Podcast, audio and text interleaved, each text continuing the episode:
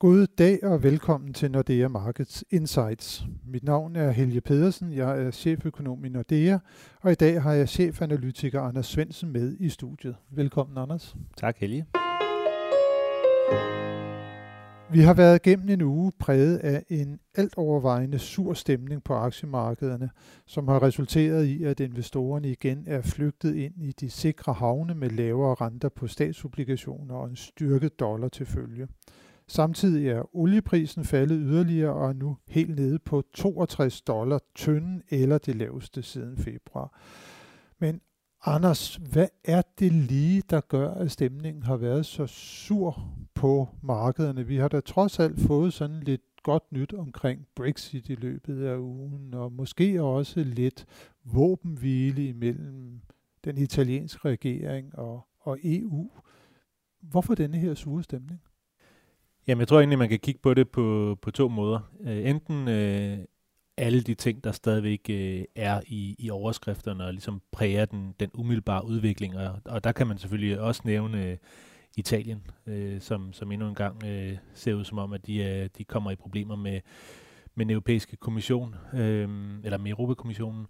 Øh, for eksempel også, øh, at nu begynder de at fange aktier så og, øh, og falde yderligere på grund af, af nogle regulatoriske ændringer. Øh, Øh, vi har stadigvæk øh, handelskrig, vi har stadigvæk Brexit, vi har stadigvæk alle de faktorer, som, som vi i virkeligheden øh, har snakket om de sidste, de sidste måneder. Og udover det, øh, så har vi også øh, en, en svagere øh, økonomisk situation, øh, synes jeg, med et amerikansk boligmarked, som ser svagere og svagere ud, og en europæisk økonomi, som ikke rigtig kan, kan komme op i gear. Så jeg synes, den ene del af det, det er alle de her overskrifter. Jeg kan godt forstå, at hvis der er nogen, der gerne vil have lidt, lidt risiko af, så selvom der måske er en uge, hvor der ikke har været så mange overskrifter, men så vil man stadigvæk gerne have reduceret lidt af den risiko, man, man måtte have. Ja, nu nævner du det europæiske økonomi, der viser lidt svaghedstegn. Der, der ser vi jo faktisk, at man taber noget momentum for tiden, og det er jo lige blevet bekræftet også med de PMI-tal, der kom ud for euroområdet, som jo viste, at stemningen den faktisk fortsætter nedad øh, for det, der er vores i Danmark nære øh, store marked, altså i tysk økonomi for eksempel, er også på vej ned i tempo for tiden. Så, så det ligger nok og lure. Men alligevel det her med Brexit, altså det virker jo, nu skal der være topmøde her i weekenden, og det virker jo som om, at man har fået i hvert fald en teknisk aftale på plads mellem EU på den ene side og Storbritannien på den anden side. Hvad er det, der fortsat ligger og skaber noget usikkerhed?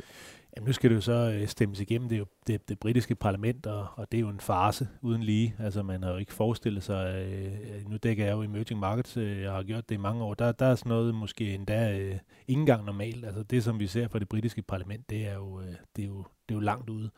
Øh, og, og det gør vel bare, at der er ikke rigtig nogen, der kan, kan se, at de, de kommer igennem med en med en, med en afstemning, som, som er positiv der, eller det, det synes jeg i hvert fald ser, ser svært ud, at, at lægge den forventning øh, ned, når, når de opfører sig på den måde, som, som de gør, så kan det ligesom ende, øh, ende hvor som helst. Så jeg, jeg tror i virkeligheden, at, at det er for tidligt at være alt for optimistisk på, på, på Brexit stadig. Ja, der snakker vi jo om en... Vi kender ikke afstemningsdatoen i det britiske parlament, men nogen taler om i begyndelsen af, af december måned, og måske den 10. december, så, så er det, at afgørelsen den skal træffes. Så der må vi jo sige, hvis det er, at parlamentet de siger nej til aftalen, jamen hvor står vi så? Hvad gør man så? Det, Storbritannien skal træde ud den 29. marts til næste år. Er der overhovedet tid til at begynde en ny forhandling med, med EU? Præcis, og det er jo det er et enormt chok, som, som ligger og lurer, og, og det bliver ikke rigtig taget alvorligt. Så, så igen, selvom der måske kommer lidt, øh, lidt overskrifter, som, som ja, på papiret er en lille smule positive, så, så synes jeg stadigvæk, det ligger som en, en kæmpe negativ risiko. Men, men jeg sagde til at starte med, at, at man både ligesom kan se øh, det her aktiemarkedsfald fra sådan en overskrift øh, synspunkt, men man kan også se det lidt mere underliggende. Altså jeg tror stadigvæk på, at dybest set, at, at det vi det vi ser markederne reagere på, det er normalisering af, af pengepolitikken. Øh, hvor vi har set jo igennem nogle år nu fedt øh, hæve, hæve renterne stille og roligt, hvor vi har set, de nedbringer deres balance, og her i, øh, i årets sidste øh, tre måneder, jamen, der er de op på, på fuld speed på nedbringelsen af deres balance, som er de 50 milliarder dollar om, om måneden. Øh, vi har en ECB, som, som er øh, som selvfølgelig stadigvæk ikke er kommet dertil, hvor de, øh, hvor de nedbringer deres balance, men, men de stopper her 1. januar med at øge balancen. Så der, der er virkelig sket et fundamentalt skift, og det tror jeg bare sådan mere strukturelt kommer til at betyde, at, at aktivpriserne de ikke kan, kan ligesom øh, blive på så høje niveauer, som, som vi har set i den periode, hvor centralbankerne har, har hjulpet. Et. To, volatiliteten generelt bliver højere og mere normal, end, end den har været i de her år, hvor centralbankerne bare har, har, øh, har virkelig hjulpet. Og hvis man så samtidig med den her stramning af, af de monetære forhold også ser, at, øh, at væksten begynder at, at løje af, og vi måske sådan er ved at være i en situation, hvor vi kan diskutere lidt, om vi i virkeligheden allerede er i slutningen af, af højkonjunkturen, øh, jamen så kan jeg godt forstå, at markederne de, de reagerer, som, som de ja. gør.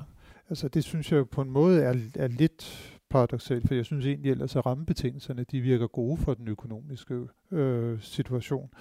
Vi har mange steder, at finanspolitikken den bliver lempet, og selvom de monetære forhold de strammes, så som også centralbankerne ligger meget væk, så er pengepolitikken fortsat akkumulativ. Den er fortsat understøttende for den økonomiske vækst.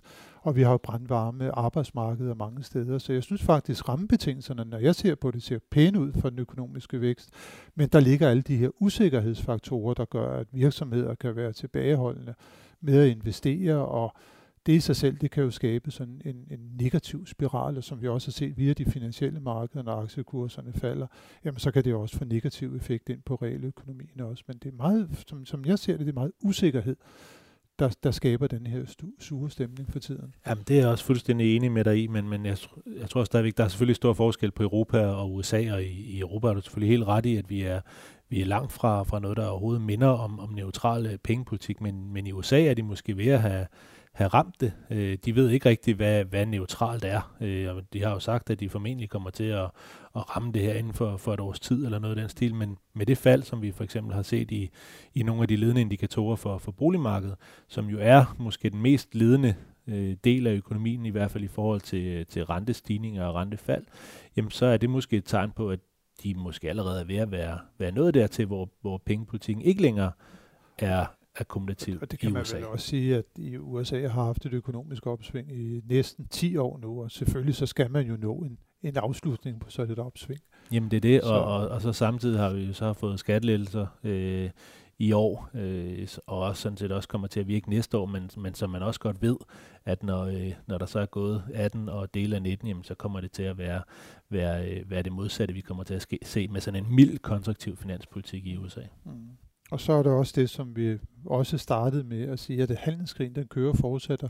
Hvis det er, at vi kigger frem i næste uge, så bliver det jo spændende at se, for der skal jo være G20-møde i øh, Buenos Aires i Argentina, og der er det jo forventningen, at Donald Trump han mødes med den kinesiske præsident Xi Jinping, og de så skal snakke handelskrig. Skal vi ligesom sætte næsen op efter, at der kan komme nogle, nogle mildere udmeldinger fra de to herrer omkring, øh, omkring handelskrigen og kan vi måske håbe på, at vi står over for en snarlig afslutning?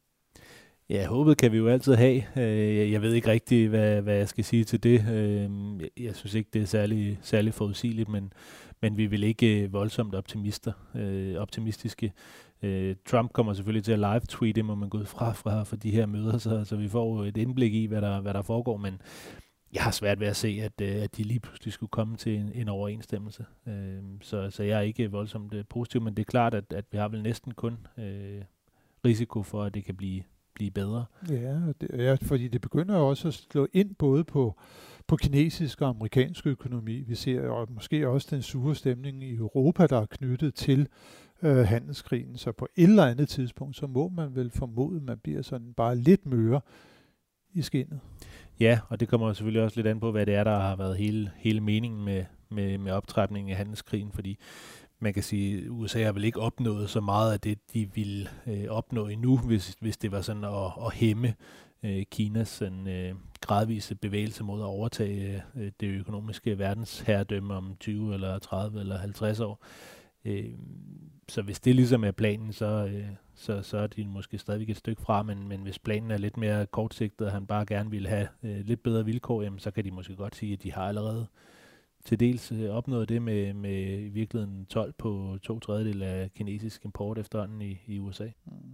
Ja, vi skal vel også lige have hængende i baghovedet. Det er faktisk lykkedes at genforhandle NAFTA-aftalen, altså man har en ny handelsaftale på plads mellem USA og Kanada og Mexico. Det kan jo skabe lidt optimisme i hvert fald for, at Donald Trump han rent faktisk er en handelsmand, der gerne vil vil handle. Han vil bare have nogle bedre vilkår for, for amerikanske virksomheder. Det er vel i og for sig også fair nok i forholdet til Kina, ikke? hvor der er store problemer med at få gjort handlen sådan til at, at være på, på, på ens øh, konkurrencevilkår. Helt sikkert, at det, det er værre. Det er også værre over for Europa. Altså, der har Trump jo også en, øh, en pointe.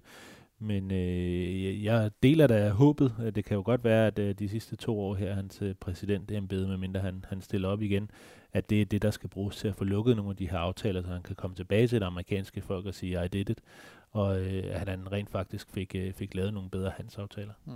Det bliver i hvert fald spændende at følge, hvad der kommer ud af mødet i Buenos Aires. Uh, hvis vi lige også skal prøve at vende uh, faldet i oliepriserne, så kan vi sige, at det har i hvert fald en positiv effekt, og det er, at der er rigtig mange forbrugere og virksomheder, der kommer til at få en, en lavere energiregning, og så er det markant fald i olieprisen, som vi ser nu. Det plejer jo at fungere som sådan en virkelig automatisk stabilisator på, på økonomien. Øh, så det er jo sådan det gode ved det, og den her lavere inflation, Anders, der kommer ud af det, det du kigger jo rigtig meget på inflationen også i øvre øh, vil, vil det få en, en påvirkning på, på inflationen, og vil det kunne få en påvirkning også på, hvordan at uh, Mario Draghi og company, de kommer til at agere. Nu snakkede vi før om, at pengepolitikken i Europa fortsat er meget sådan understøttende for den økonomiske vækst, men på et tidspunkt begynder man selvfølgelig at stramme den. Men ved det her kraftige fald i, i olieprisen, vil det kunne udskyde det, eller vil det altså, det kommer, helt, det kommer helt sikkert til at, at tage øh, den overordnede inflation lavere en, en stor del af, af årsagen til, at vi har så høj inflation nu her, er, er de stigninger i olieprisen, vi har set tidligere i år. Så når de falder ud, jamen, så, kommer vi, øh, så kommer vi selvfølgelig markant lavere. Det kommer til at ske allerede næste uge, hvor jeg tror, vi får, får inflationen ned på 2% fra, fra 2,2 og hvis vi får olieprisen til at blive liggende her, så kommer vi til at falde øh, markant yderligere øh, i løbet af, af de kommende øh, måneder. Jeg tror dog, det der er det vigtige for ECB, det er, det er kerneinflationen. Og der ligger vi omkring 1,1 stadigvæk. Øh, vi har den holdning, at, at de lønstignings øh, eller de lønstigninger, som vi har højere lønstigninger, vi har set i øvrigt indtil videre, at de kommer til at tage kerneinflationen højere over det næste års tid, eller de næste to års tid. Og det er sådan set også det, der ligger i ECB's øh, egen prognose. Og så længe de tror det, øh, så tror jeg i virkeligheden, de kommer til at holde fast i den, øh, den plan, de har om øh, gradvist at skulle øh, normalisere pengepolitikken. Så udsagnene for dem vil fortsat være, at øh, vi holder renterne på det nuværende niveau, i hvert fald til og med sommer næste år, men når det her QE-program det bliver afviklet nu, og så reinvesterer vi bare afdrag i en eller anden ukendt periode. Den, den retorik, den bliver der ikke ændret på. Det tror jeg ikke. Og så har vi en, en ny ECB-præsident øh, til, til oktober næste år. Øh, det eneste, der måske kan, kan ske indtil da, det er, hvis der skal laves noget med likviditeten til de italienske og spanske banker. Vi har snakket meget om de her TL-tror, som... Øh, som jo blev, blev givet for, for nogle år siden, og, og det der er issuet for, for de spanske og italienske banker, som har over halvdelen af de her TL-tror, det er, at når de bliver kortere end et, et år øh, til udløb, så tæller de ikke øh, 100% med i deres net stable funding øh, længere, og så vil det altså sige, at de her banker, de skal ud og udstede øh, nogle, øh, nogle obligationer for at, at, at rejse den, øh, den lange funding. Og hvis ikke de kan det, jamen, så vil de formentlig gå tilbage til ECB og sige, at vi har, vi har behov for noget mere noget mere hjælp. Og det er nogle af de historier, vi har hørt øh, de sidste par måneder, vi har også hørt det. Nogle enkelte sådan, øh, øh uh, u, hvad hedder sådan noget, ubekræftede historier fra ECB-kilder om, at de måske overvejer det. Mm. Ja, det bliver, det bliver spændende at se, øh, for ellers så kan der jo godt være, at der kan komme lidt uro omkring øh, situationen i Sydeuropa igen, også med Italiens øh, boksekamp med EU en mente. Men Anders, hvis vi lige tager til sidst her og kigger frem på næste uge, så er der jo nogle nøgletal, der kan blive lidt interessante. Vi skal øh, høre mere om, hvordan det går i tysk økonomi. Vi får det her vigtige IFO-tal. Der kommer også øh, det Economic Sentiment Indicator fra, fra Eurostat, bliver også offentliggjort. Og så får vi jo endelig øh, det her HICP-tallet, altså inflationstallet, som du allerede har været inde på. Men hvad skal vi vente os af de to andre, IFO'en og, og det økonomiske øh, sentiment for, for øvreområdet? Ja, altså det er jo tit sådan, at markedet fokuserer på det første af de her tal, der bliver offentliggjort, og det første, det var så allerede i dag, hvor PMI'erne blev offentliggjort, så jeg tror virkelig ikke, at markederne kommer til at, at reagere så meget på det, men alligevel så, øh, så er iPhone jo en bedre, et bedre mål for den tyske økonomi, og et bredere mål for den tyske økonomi, og der er fokus jo helt klart på, om man begynder at kunne se, at Draghi havde ret, når han sagde, at grunden til, at tysk økonomi var så svag i uh, tredje kvartal, det var på grund af de her øh, bilændringer. Øh, Øhm, ja, hvor så, det drejer sig noget om emission øh, præcis. Fra, fra, fra bilerne. Præcis, at ja. de, var, de var nødt til at stoppe produktionen, fordi de simpelthen havde så mange på lager, som de ikke kunne nå at, at, at få solgt. Øh, det skal vi altså se i, i iPhone, og det tror vi desværre ikke, vi kommer til at se i, i den her måned. Og, øh, eller på mandag. Og, og, og hvis vi ikke gør det, så, så begynder det jo at lugte lidt mere af, at, øh, at vi bare sådan generelt skal have lidt lavere vækst i området. Mm. Og det vil jeg så lige sige til allersidst her, det bliver så også spændende at se, hvordan det smitter af på den hjemlige danske økonomi. Og der får vi faktisk et interessant tal. Vi får nemlig tredje kvartals BNP-tal øh, offentliggjort her den 30. november. Og der kan vi jo lige holde fast i, at øh, det flash-estimat, øh, som Danmarks Statistik kom ud med, viste faktisk en rigtig flot økonomisk vækst i, i Danmark i tredje kvartal på 0,7 procent over kvartalet. Og det bliver rigtig spændende at se, om der kommer revisioner til det. Det har øh, Danmarks Statistik jo det med at komme med lidt større revisioner, end vi egentlig bryder os om lige for tiden.